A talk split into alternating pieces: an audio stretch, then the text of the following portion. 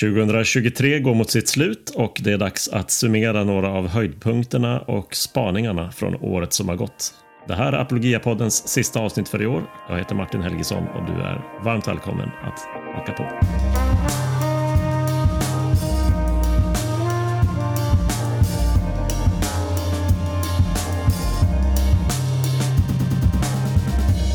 Ja, välkomna tillbaka till Apologia-podden. Här sitter jag med Stefan i studion igen för det sista avsnittet av Apologia-podden för 2023. Kan du fatta att ännu ett år är på väg att ta slut, Stefan? Tiden går snabbt, snabbare för varje år. Ja, men så är det ju. Varje år upplevs gå fortare. Jag vet inte om det har att göra med att man bara blir eh, äldre och äldre eh, och eh, det är kanske inte så mycket att göra åt saken. Det finns väl psykologiska teorier om det där att eh, för varje nytt år så är ju eh, proportionerligt andelen av ens liv som det året eh, utgör minskar och därmed så uppfattar man det som att det har gått, gått snabbare. Ja, det känns ganska rimligt. Jag tycker det stämmer med min upplevelse av åren i alla fall, att de går fortare, blir kortare, någonting någonting skumt är i görningen. Men eh, det är inte så mycket att göra annat än att gilla läget och eh, som eh, brukligt är så här i slutet av ett år och inför ett nytt så tänkte vi att vi kunde summera lite vad som hänt 2023. Jag tänkte att vi skulle prata om någon eh, höjdpunkt från Apologias eh, horisont. Jag tänkte fråga dig Stefan om eh, det bästa du läst i år och sluta med någon form av spaning kring vad är det som händer? Eh, finns det några större trender och tendenser som har med apologetik att göra? Så eh, jag tycker vi börjar på en gång och eh, jag vill gärna höra Stefan, vad är någon eller några riktiga höjdpunkter för dig och i arbetet i apologia från det här året? Ja, det finns ju en, det finns ett, en, en ganska stor hög att, att plocka ur om man ska tänka höjdpunkter och, och roliga saker om, om jag ska vara lite personlig så, eh, så eh, jag har jag jobbat under en längre tid och, och eh, också under 2022 men under 2023 så var jag iväg och skrev och jobbade med eh, uppdateringen, revideringen av Kristen på goda grunder. Eh, jag gjorde det i februari och sen höll vi på att jobba med eh, finslipa på manus och det var ju fantastiskt roligt för mig när Kristen på goda grunder 2.0 kom ut här under hösten. Det var verkligen kul, inte bara för dig Stefan, utan också för oss kollegor som hejat på dig i några år och eh, såklart för människor som länge sagt varför finns inte kristen på goda grunder att få tag i längre? Jag vill ge den till någon eller jag vill tipsa människor om att läsa den och sådär. Eh, så det är kul att vi har en uppdaterad version. Mm, det, känns, eh, det, känns, eh, det känns jättebra, väldigt, väldigt roligt och den är ju dessutom eh, mycket, mycket snygg tycker jag. Finns ju en fin inbunden. Så också rent som, rent som bok är det en, en fin bok. Och sen har det varit roligt när den väl kom så har det varit många människor som hört av sig med uppmuntrande hälsningar och berättat om hur mycket den boken har betytt när de själva var när de själva var yngre. Boken kom ju ut eh, i slutet på 90-talet eh, eh, första gången. Och har ju sen eh, eh, kontinuerligt getts, getts ut fram till för ett par år sedan. Då eh, vi sa nu trycker vi inga fler upplagor av den utan jag beslöt mig då för att eh, datera upp den. Men det har ju varit väldigt roligt att se att Gud har använt eh, kristen på goda grunder att både hjälpa människor att Eh, Eh, som kommer från en kristen bakgrund att säga ja till den kristna tron på ett, eh, ett djupare sätt. Kanske i liksom tonårstiden, brytningstider i ens liv. Eh, men också människor som kommer från en helt sekulär bakgrund där Gud har använt den som en viktig del i, i vägen till tro. Så det har ju varit jätteuppmuntrande för mig och det är ju min bön att 2.0 ska under ganska många år framöver ha samma funktion i människors liv. Ja men det förstår jag. Det är ju verkligen sånt man man eh, älskar att få höra när det man gör eh, har betydelse för någon människa. Eh, när du skrivit så har du ju rest såklart, men du har ju då rest iväg till någon liten avsides grotta där ingen och inget har stört dig. Om, du reser ju ganska ofta på ett, på ett annat sätt också, Stefan, till konferenser och till olika typer av möten med människor. Är det något som sticker ut i det senaste året av det slaget?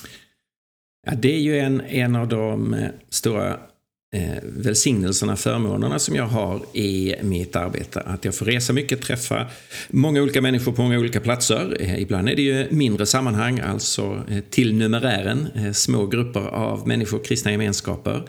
Eh, och ibland är det då eh, stora internationella konferenser. Och det är ju spännande eh, på, eh, eh, på olika sätt. Men i båda fallen så handlar det om att Eh, att se vad Gud, vad Gud gör i människors liv på en viss plats eh, i, i ett, visst, eh, ett visst land eller ett visst sammanhang. Eh, och eh, om jag tänker tillbaka här på, på 2023 så tänker jag på, om man tar det lite i kronologisk ordning, jag var för första gången i Slovakien på en nationell konferens i apologetik. Det var jättehärligt. Flera hundra eh, människor på konferensen. Eh, och eh, en väldigt spännande eh, en, en väldigt, ett väldigt spännande sammanhang med, med mycket drivna kristna ledare som, eh, som hade en strategi för hur ska vi kunna hjälpa Guds folk eh, i, i vårt land. Sen var jag förstås på ELF. Det är alltid årets höjdpunkt. Och, Instämmer. Det var väldigt roligt att få tillbaka. Få träffa många människor där.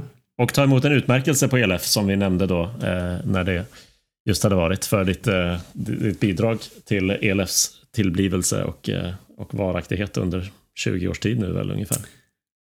Ja, just det. Det, det var ju eh, det var väldigt överraskande och väldigt roligt. De hade eh, lurat mig, eh, så att säga, i, eh, och sagt att eh, det var en annan person som eh, som skulle få en utmärkelse. Så jag visste om att eh, eh en person som heter Tony Myrek eh, skulle få en utmärkelse för han har jobbat i jättemånga år och hjälpt oss eh, som en av eh, de främsta ledarna i ELF. Så jag satt eh, på en av de främsta raderna och, och tänkte vad roligt det här blir att få se Tony gå upp på scenen eh, Eh, för att ta emot ett pris. Och sen hade de sagt till Tony att det var jag som skulle få, ett, eh, eh, få en utmärkelse. Så han satt några stolar bort och tänkte på samma sätt. Ja, men vad roligt att de ska hedra Stefan. Så vi blev båda, båda helt ställda när de från scenen då ropade upp båda våra namn. och det var, det var väldigt roligt, väldigt fint. Så det var ju en, en, en bekräftelse av det. Jag har ju funnits med i det arbetet sedan eh, 2001 eh, när vi startade ELF. Så det har ju varit ett, eh, ett långsiktigt projekt som, som Gud, har, Gud har välsignat långt utöver vad vi hade kunnat föreställa oss när vi startade det.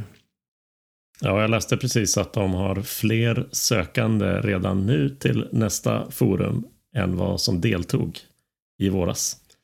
Och det var väl en bit över 800 i våras, så det är, det är ett rejält tryck och människor som vill vara med nästa år mm.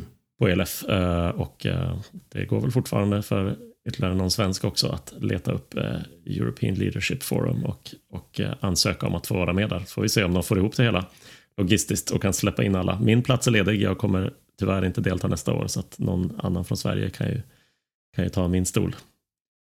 Och det finns andra platser lediga också så att det kan jag verkligen stryka under. Eh, det är ju slutet av maj. Gå in på en, eh, man kan söka på European Leadership Forum eh, eller om man går direkt in på en hemsida som heter FOCL, F-O-C-L, Forum of Christian Leaders. Så hittar man Precis. information och så. Precis, jag lägger en länk i, i avsnittsanteckningarna mm. här nedanför också där du, kan, där du kan hitta det. Men jag vet Stefan att du ville nämna någon resa till Italien också, eller hur? Det var något intressant möte du fick där. Det, var inte med påven tror jag, men det var intressant Nej, vi, ändå. Eh, vi missade varandra. eh, vi, vi missade varandra. Eh. Han är förkrossad. Över det, Just det. jag var tvungen att avboka, jag hade inte tid. Så Precis. är det. Eh, nej, jag, jag flög i och för sig till Rom. Det, det var ganska nyligen här i december. Flög till Rom, men eh, blev sen eh, hämtad i bil och körd över till eh, till östkusten till en, en turistort där som nu var nedstängd men där man kunde ha en konferens, hyra in sig på hotell där ganska billigt. Så det var en stor konferens, 300, eh, 300 evangeliska eh, kristna från olika delar av Italien.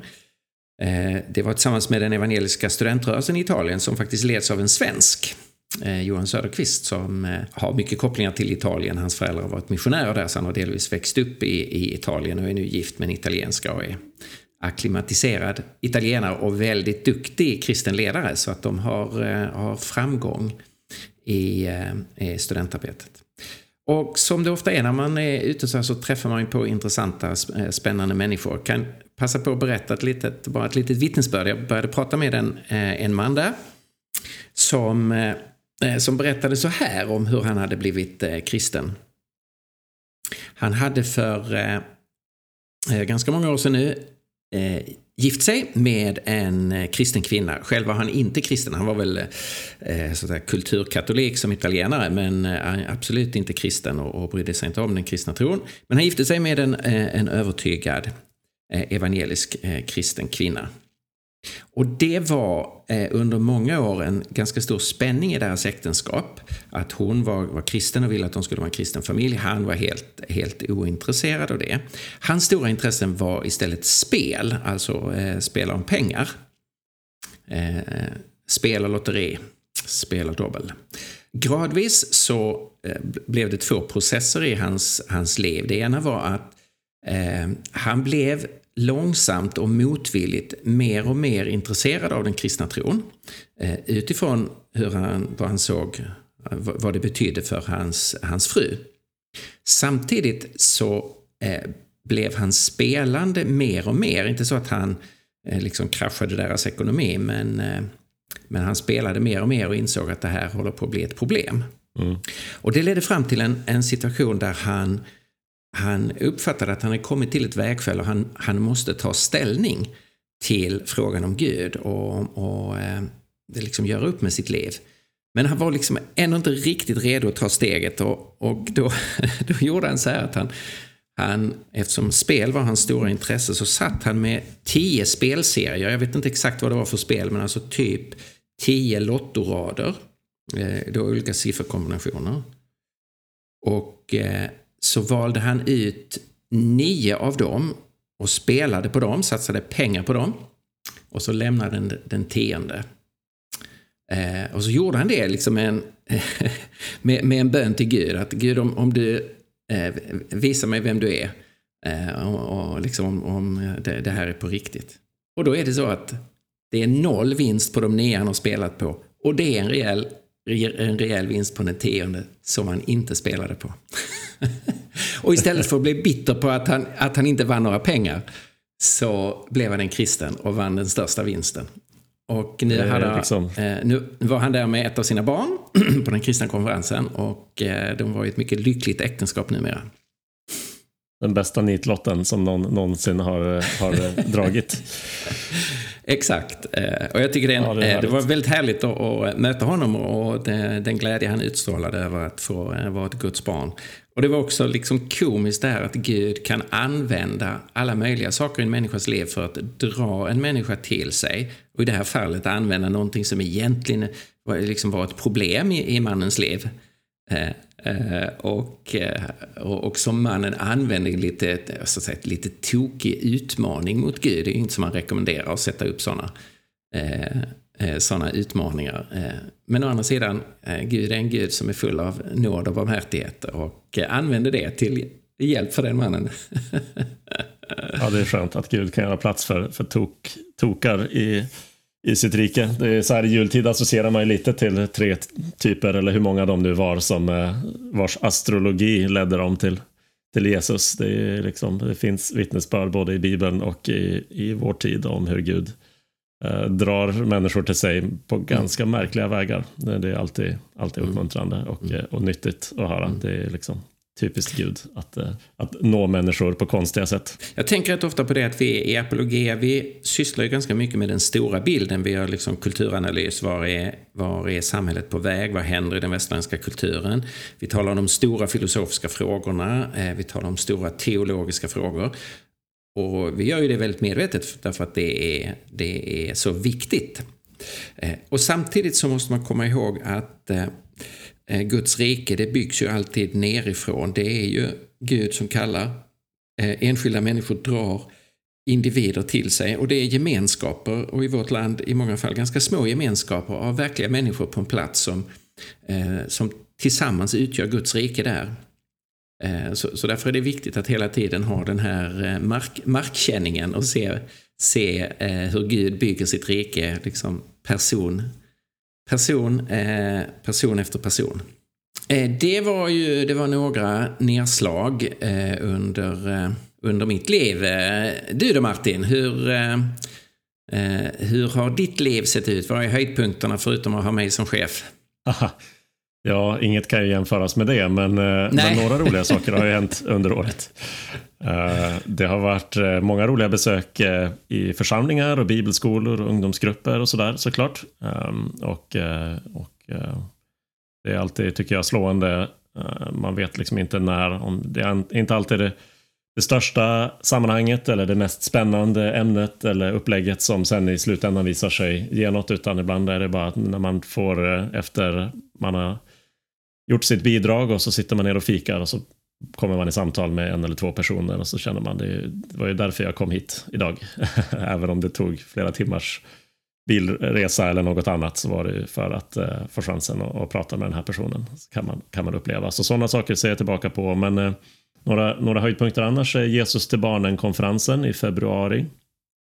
Så det är ganska länge sedan nu, men det var i Jönköping och det var hundratals både barnledare och pastorer och sen massvis med föräldrar och andra som anslöt till konferensen som alla har gemensamt att man då vill, man vill eh, ge sin tro på Jesus vidare till nästa generation och jag fick förmånen att att ha lite bibelförklaringar med dem, bland annat utifrån andra Korintierbrevet. I februari hade jag ganska nyss eh, släppt eh, min eh, guide till andra Korintierbrevet. Det var före årsskiftet, så det är väl en höjdpunkt för 2022. Men, men att få eh, dela med sig det vidare och, eh, och så till alla barnledare där var väldigt roligt. Och en annan höjdpunkt är nog Eh, bibelfestivalen i Örebro under hösten här. Det är någonting som EFKs bibelskolor gör tillsammans under två dagar. Jag fick komma dit på ett seminarium där eh, det hade ingen särskilt superspännande titel. Det hette typ apologetik, konsten att svara på svåra frågor.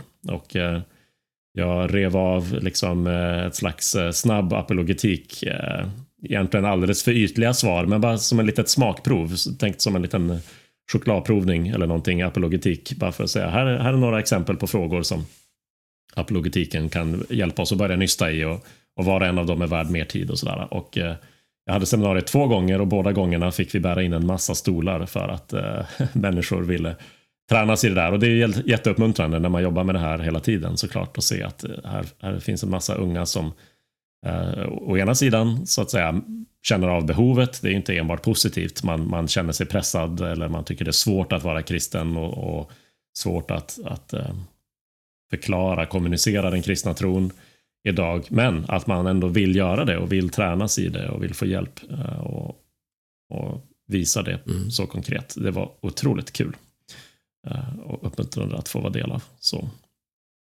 Så det är några saker. Um, om vi skulle gå vidare till en annan typ av höjdpunkt då, Stefan. Vad är, vad, vad är det bästa du har läst under året?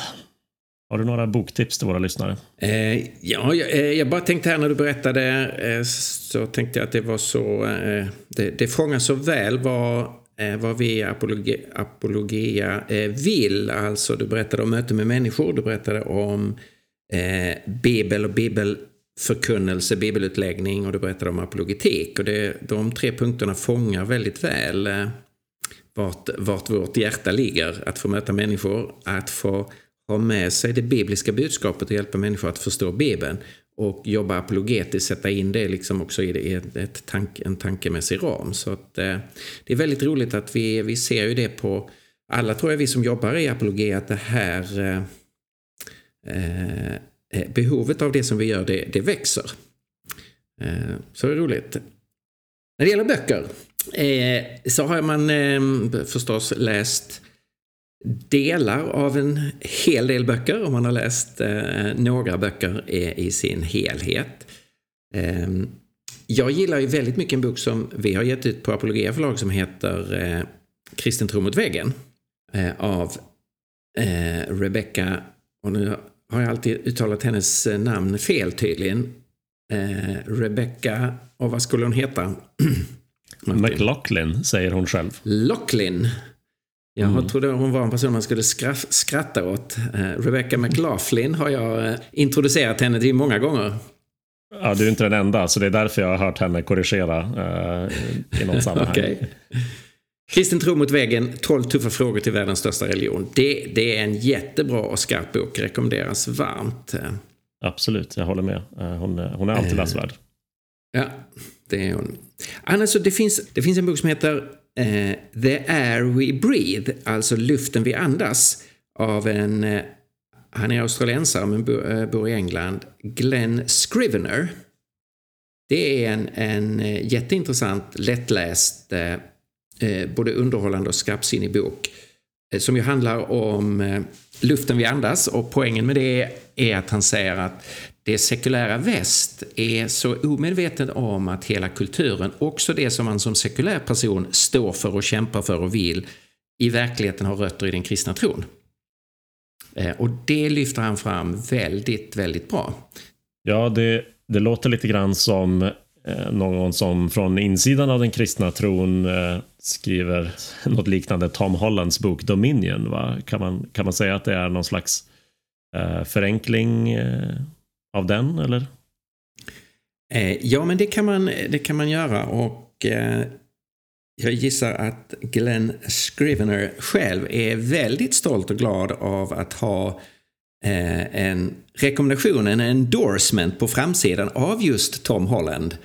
Punchy, Precis. engaging, entertaining skriver Tom Holland om boken The Air We Breathe. Och boken har underrubriken How We All came to believe in freedom, kindness, progress and equality. Eh, det är en, en, mycket, läsvärd, en mycket läsvärd bok. Han skriver dessutom eh, eh, underhållande och eh, med, med bra driv. Så att det är på det sättet en lättläst bok. Kul, härligt. Eh, en annan bok som jag inte är helt färdig med, men som också är en, en intressant bok, det är Eh, Justin Briley, alltså han som var programledare för, eh, nu står det stilla i mitt huvud, alla de här debattprogrammen. Eh, du tänker på Unbelievable? Unbelievable, just det. Han har ju nu sin egen ministry, sin egen, sin egen organisation. Och han har precis gett ut en bok som heter The Surprising Rebirth of Belief in God. Där han ger en, en mängd exempel på hur eh, gudstron, eller åtminstone en öppenhet för Gud, har kommit tillbaka bland intellektuella i västerlandet. Eh, på ett sätt som är väldigt förvånande om man har följt nyateismen från, eh, eh från millennieskiftet och framåt. Då, de hävdade liksom att religionens död är i stort sett en tidsfråga. Eh, och man, de eh, nyateisterna dominerade liksom den, den offentliga debatten om Gud och religion. De har ju liksom helt hamnat i skugga nu och nu är det nya röster där en hel del då eh, eh, bejakar Gud eller åtminstone är öppna för, för Gud och är mycket mer positiva till den kristna traditionen. Eh, och han skriver om det på ett, också på ett väldigt intressant sätt. Jag tänker att vi kommer återkomma till just det där med, med återkomst och återfödelse i, i nästa del av podden. Men det är roligt att, att han har lyckats skildra det väl. Det är det. Vi får väl se om vi kan eh, bjuda in honom till Sverige eh, någon gång. Det skulle kunna gälla de båda, båda de här två författarna som eh, jag har nämnt här, Glenn Scrivener och Justin Briley. Vad säger du då Martin? Vad, eh, vad är dina, dina läs... Eh, har du några läsupplevelser eller lästips? Ja, alltså jag har så många intressanta böcker här bredvid mig. Eh, problemet är att flera av dem eh, har förblivit olästa trots mina goda föresatser. Så där är det ju varje år att man, man eh, läslistan växer snabbare än högen av lästa böcker och för den delen också biblioteket växer snabbare än man hinner beta av det. Men, men några höjdpunkter är en bok som jag har kommit ganska långt i men inte helt färdig med som heter Biblical Critical Theory av Christopher Watkin. Uh, en, uh, han är motsatsen till Glenn Scrivener då. Han är en engelsman bosatt i Australien och uh, har skrivit en oer, oerhört, alltså extremt ambitiös bok. den är väldigt omfattande i längd och också väldigt ambitiös i ansats där han skriver en slags biblisk kulturteori då och använder den bibliska den stora bibliska berättelsen eh, för att eh, i turordning adressera eh, en, en rad olika eh, kulturella frågor och, och ska vi säga, mm, idédebatter och sådana saker. Svårt att, att, ta enskilda exempel och beskriva det, men den, den är en väldigt intressant bok i hur man, hur man kan bedriva kulturapologetik så att säga, analysera och förstå samtidsfenomen och, eh, och också diskutera dem utifrån ett kristet och väldigt tydligt bibliskt perspektiv eftersom han rotade i den bibliska storyn. Alla kapitel är inte riktigt lika liksom, eh, tydliga kopplingen kanske, men, men eh, bitvis är det fantastiskt intressant och fascinerande och som ett i sig ett helt bibliotek av nya lästips med alla fotnoter mm. man får. Visst är det en en kristen eh, dialog med och respons till eh, eh, critical race theory, alltså de här, ja, egentligen mycket till liksom, kulturkriget och, och identitetspolitik och så. Ja, mycket av de frågorna kommer upp, men det är inte så att, eh, att själva begreppet critical theory i, i, i titeln syftar på att han, han ger sig in i den debatt debatten i sig, utan det är väl snarare att här all, alla typer av så kallade kritiska teorier, de gör ju anspråk på att, att kunna ta en rad samhällsfenomen och så säger de det här är den underliggande agendan, så att säga. Det här är det underliggande eh, motivet som, som styr det här. Så att eh, critical race theory till exempel studerar olika samhällsfenomen och säger det underliggande mönstret här, det är frågan om ras och hur hur människor, eh, alltså det är ett slags maktanalys och så vidare. Va? Så mm. det, det, är en mm. sorts kritisk teori. Och det Watkin vill göra, snarare än att bara res ge respons på enskilda sådana, är att säga om vi använder Bibeln som analysverktyg, hur ser en kulturteori ut då? Vad är det som egentligen är, eh, är liksom, ligger under de kulturella fenomenen, om nu den bibliska historien är sann?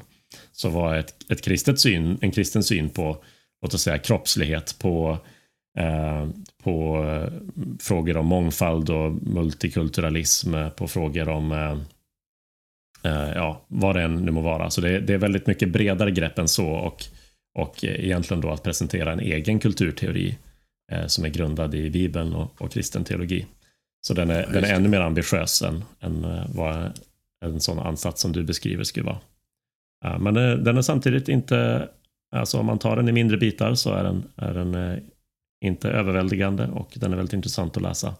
Jag har precis läst eh, kapitlen om inkarnationen så här inför jul, vilket har varit oerhört intressant just i hur han beskriver vad inkarnationen gör med vår syn på, på kropp och själ och eh, eh vår kulturs strävan bort från kroppen och dess begränsningar i frågor som AI och transhumanism och sådana här saker. Mm. Så, eh, så den, är, den är väldigt fascinerande. Um, en annan bok jag läste tidigt på året som har varit intressant. Det kanske vi, om jag får bryta in här Martin, eh, vi ja, kanske visst, skulle visst. ha ett Apologia Live, eh, ett, eh, ett boksamtal om, om den boken. Det låter ju som en, en riktig guldgruva.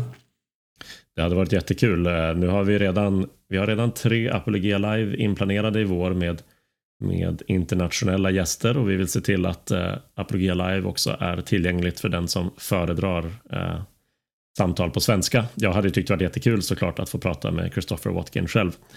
Uh, och uh, det kanske blir, blir tid för det så småningom, men kanske inte nu mm. under våren. Um, Men han är en väldigt hyvens prick, som jag minns det från mina möten med honom, även om det nu är länge, länge sedan, långt före han skrev den här boken. Men det är, det är absolut på min radar så småningom. Ja, men det är bra. Du hade någon mer bok? Ja, en bok som jag tror att vi båda läste under året som låg tidigt i mitt år. Det var Andrew Fellows bok. Eh, Andrew Fellows känner vi från Labri-sammanhang och så, både du och jag. Och han har skrivit en bok som heter Smuggling Jesus Back into the Church. Som handlar om kyrkan och tidsandan, om problemet med världslighet i, i kristenheten och kyrkan själv. Den tyckte jag var intressant och upplysande och uppfriskande att läsa. Inte minst en, en rolig titel, att smuggla tillbaka Jesus in i kyrkan. Den är ju väldigt bra. Han har tydligen lånat den från Sören Kierkegaard eh, som, som eh, beskrev det som sin kallelse. Att försöka smuggla Jesus tillbaka in i kyrkan på sin tid. Men eh, Ja, Andrew Fellows lånade den eh, förtjänstfullt och eh, för det blev han ju faktiskt nominerad till något som heter The Diagram Prize eh, i England som är utmärkelse för Eh, roligaste och konstigaste boktitlar. Han vann inte det eh, priset eh, i år. Ehm, det var en, en, en annan vinnare, men om, man, om man söker upp Diagram Prize så har man en fullständig guldgruva av, av roliga boktitlar från de senaste åren. Vad sägs om att kanske under 2024 läsa The Joy of Waterboiling eller eh, The Commuter Pig Keeper eller något sådant. Det finns många fler tips och en del kanske inte passar sig att säga högt på en podd heller. Men eh, folk är kreativa när det gäller att namnge sina böcker, eh, inte bara Andrew Fellows. Jag föreslår Stefan att vi går vidare till den tredje och sista delen och pratar lite grann om eh, trender, tendenser, som har med apologetik att göra. Så om vi lämnar vårt eget personliga liv och läsande för en stund. Eh, skulle du säga att det finns någonting som utmärker året som har gått, även om sådana här saker såklart inte begränsas till ett kalenderår. Men är det något särskilt som är på gång i världen, i kulturen som har med kristen apologetik att göra? Eh, ja, vi ser väl lite detsamma som eh, eh, Justin Briley är inne på i sin bok att det är den dogmatiska ateismen, den är tystnar lite. Eh, samtidigt som en allmän, liksom den sekulära hållningen ligger ju fortfarande tung, tung över, över svensk kultur. Men det, eh, det hörs ju också fler röster som, eh, eh som eh, talar om Gud eh, eller som identifierar sig då som, som kristna. Och det är ju en trend som fortsätter. Och Svenska Dagbladet hade ju här i, här i december alldeles nyligen en, en stor artikel som heter Återuppståndelse. Och som inte handlar om Jesu återuppståndelse utan om eh, eh, kristen tro på väg tillbaka. Ja, det, det verkar ju som att eh, flera av personerna som man, som man då eh, lyfter fram är personer som kanske under en längre tid Eh, haft en kristen, ja, antingen har man haft en kristen bakgrund eller så har man rört sig i riktning mot en kristen tro eller gått och burit på eh, existentiella frågor och så har det mynnat ut i någon typ av, av kristen livshållning. Men att, att det nu lyfts fram på ett sätt som visar att det finns inte samma kulturella bagage av pinsamhet kring att erkänna att man tror på Gud. Nej, det är en stor och jättepositiv förändring ju att eh, eh genom att det finns eh, välkända röster och ansikten med eh, liksom, eh, stora viktiga kulturella plattformar som eh, kan beskriva sig som eller som beskriver sig som kristna. Eh, det gör ju att eh, liksom, pinsamhetsfaktorn eh, försvinner bort och det blir eh, det, liksom, det är en legitim möjlighet. Eh, och, och ehm, Eh, det, det, finns vissa namn som är, är, är uppenbara här då som, eh, som Joel Halldorf eller som Björn Weman på, ehm, eh på DN. Eh, eller Josefin de Gregorio som skriver i Svenska Dagbladet. och det finns, det finns ytterligare personer. Mm. Erik Schult.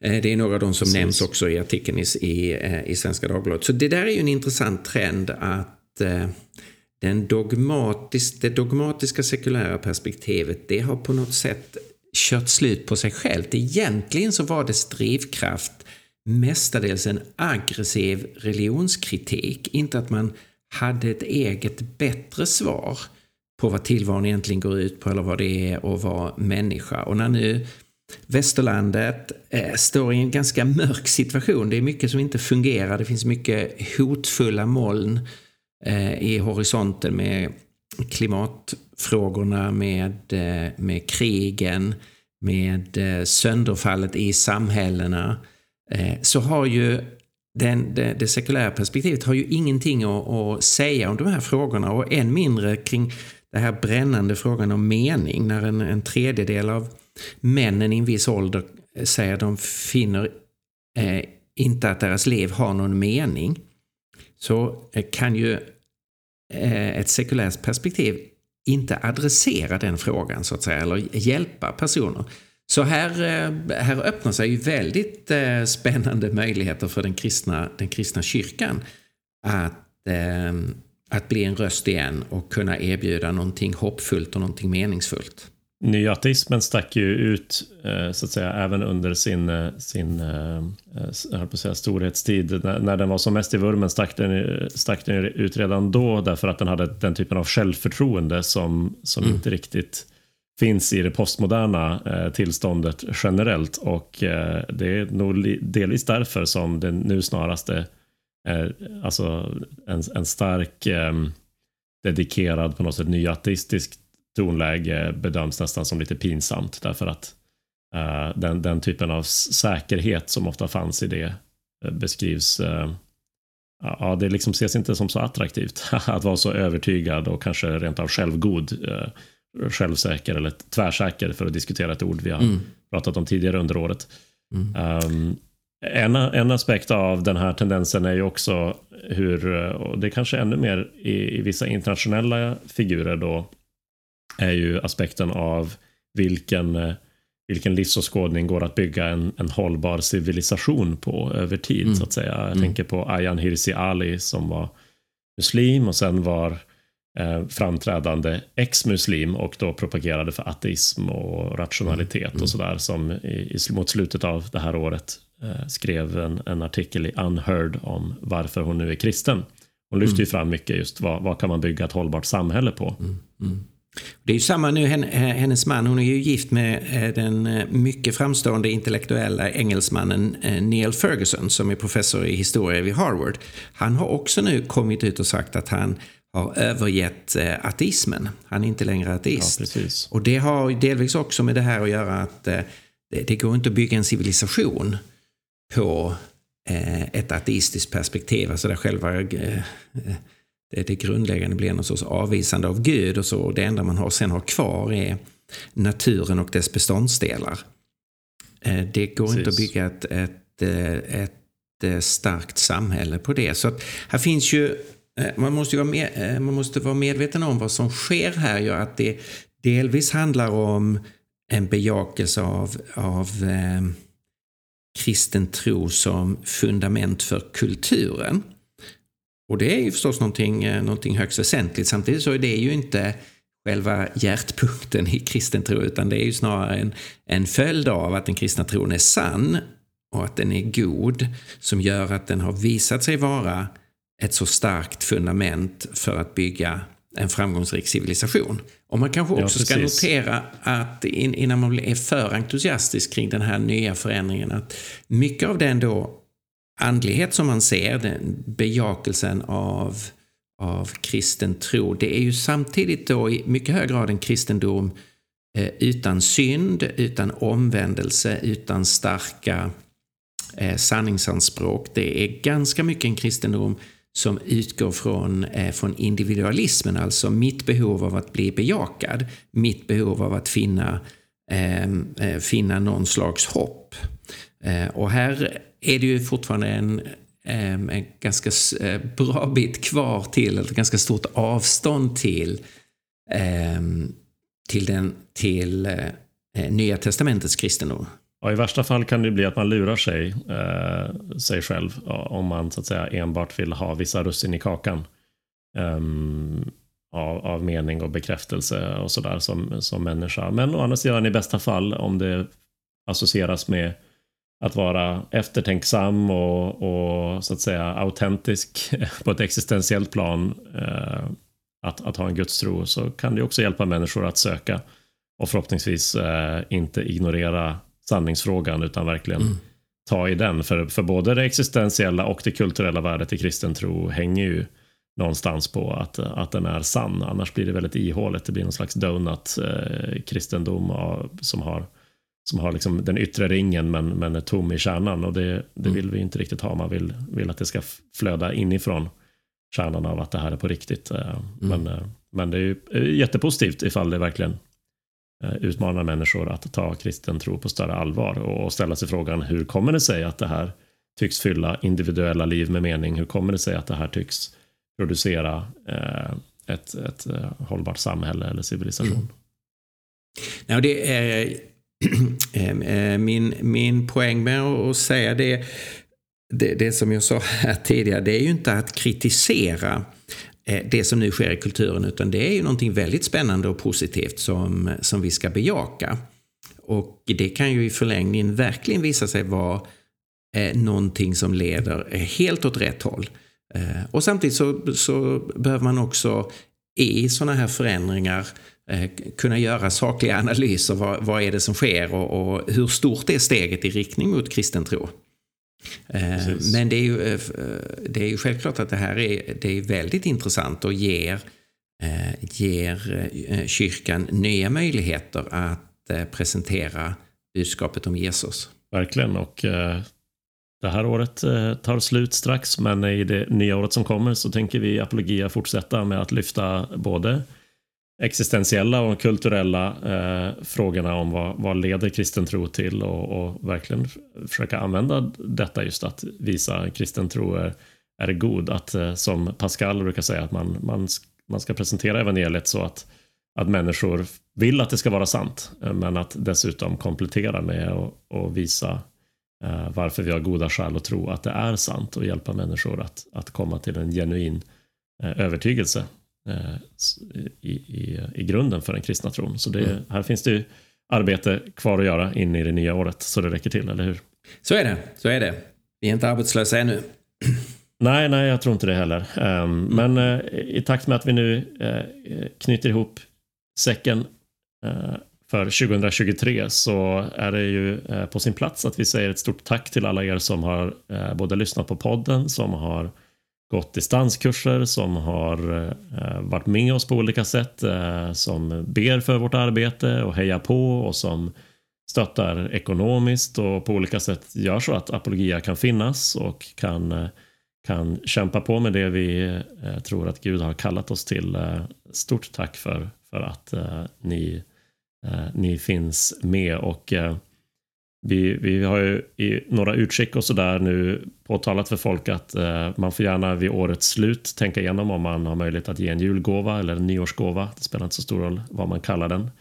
Eh, för att, eh, att hjälpa oss i mål på ett positivt eh, sätt här med, med året. Och är det så att man blir månadsgivare och väljer att ge en regelbunden gåva varje månad på minst 100 kronor. Man registrerar ett sådant nytt givande här innan eh, eller senast den 31 december 2023 då får man Kristen på goda grunder 2.0 gratis Woo! som tack för den gåvan. Ja, eller hur?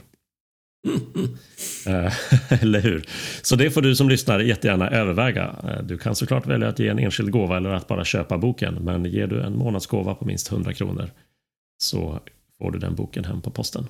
Ja, eh, med det sagt så återstår väl inte så mycket annat eh, att säga än tack för i år. Eh, gott nytt 2024 och vi hörs igen på podden på Apologia Live och distanskurser på allt det vi alltid gör och som vi tänker fortsätta med under året som kommer. Tack för i år och gott nytt år. Det säger jag också. Tack för i år.